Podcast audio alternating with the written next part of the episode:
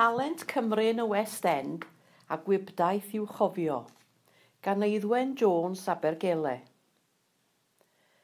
Rydw i'n byw yn rhanbarth Colwyn, Sir Conwy. Dyma di adra i mi ers ugain mlynedd bellach, ond un o ferched glannau dyrdwy, sef y gogledd ddwyrain ydw i. Fe ymganed yn hen golwyn, ond cefais fy magu ym pentref bach rhewl mostyn. Dyma ardal hynod o ddiddorol, yn hanesyddol ac yn ddiwydiannol. Ac er ei bod mor agos i'r ffin gyda Lloegr, yn ystod fy mhlentendod, Cymraeg a glywyd mewn tair siop ar yr allt ac hefyd yn y capeli. Be sy'n rhyfeddod yw nad oes cynifer a hynny yn ystod y bedwaredd ganrif ar bymtheg nac y chwaith yn ystod yr ugeinfed ganrif wedi llynydda am ardal mor hynod.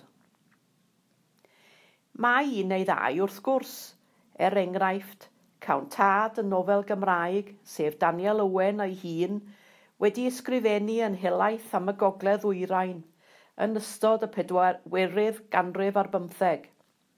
Ac mae'r teithiwr o Downing, sef Thomas Pennant, wedi disgrifio i ni hint a helynt plwyfolion chwitffordd yn ystod y ddeunawfed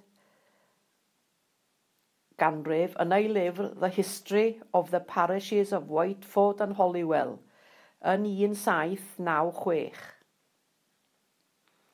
Mae enwau un neu ddau o'r ai eraill wrth gwrs, megis Einion Evans a'i frawd Wilson, yn ogystal ag Emyr Humphreys yn awduron wedi ei magu yn yr ardal. Ond o'i gymharu ag ambell ardal yng Nghymru, nid oes toreth o enwau yn neidio i'r cof.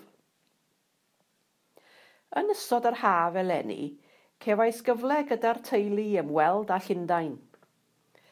Yn ystod y deuddydd yna, cawsom gyfle i fynd i'r National Theatre i weld perfformiad o The Corn is Green gan Emlyn Williams.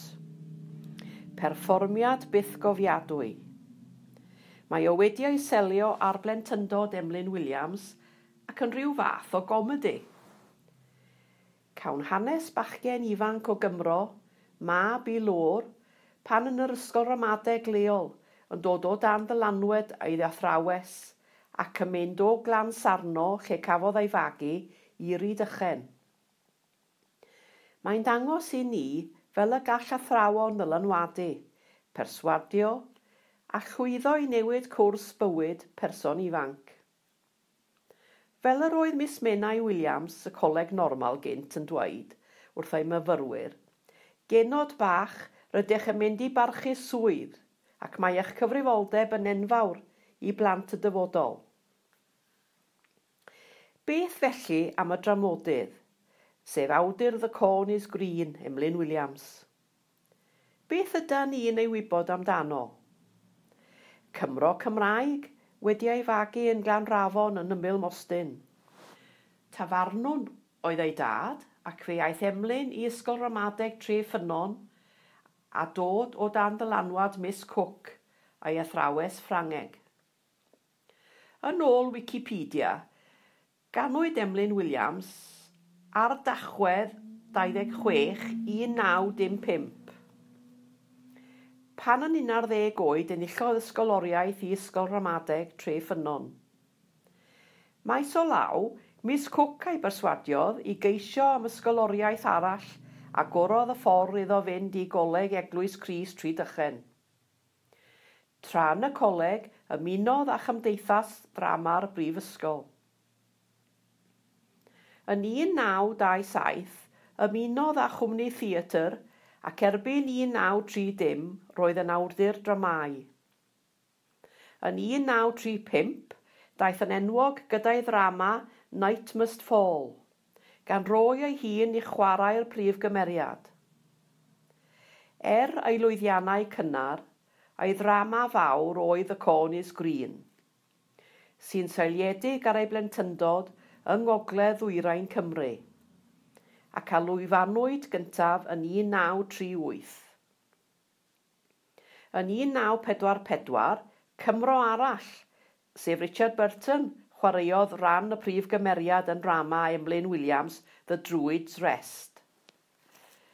Dau llawer o lwyddiannau wedi hynny, ac erbyn iddo farw mis Medi 1987, roedd wedi actio mewn 41 o ffilmiau ac yn awdur 20 o sgriptiau. Mae gwaith Emlyn Williams yn The Corn is Green ac hefyd yn The Druid's Rest yn darlunio ardal Gymraeg ei haith cyn yr ail ryfel byd ac mae y dramau hyn yn hunan gofiannol. Pan eithom fel teulu fwynhau The Corn is Green yn y National Theatre, fe gawsom berfformiad gwych gan yr actores Nicola Walker, sef Miss Cook, a chi otorion o Gymru, megis Iwan Davies, Gareth Lloyd Davies, Will Hughes, Gwion Lynch, Gwion Glyn, Sean Emlyn a Richard Lynch. Roedd y canu yn fendigedig ac ymhlith y cantorian roedd Steffan Hughes o Landyrnog.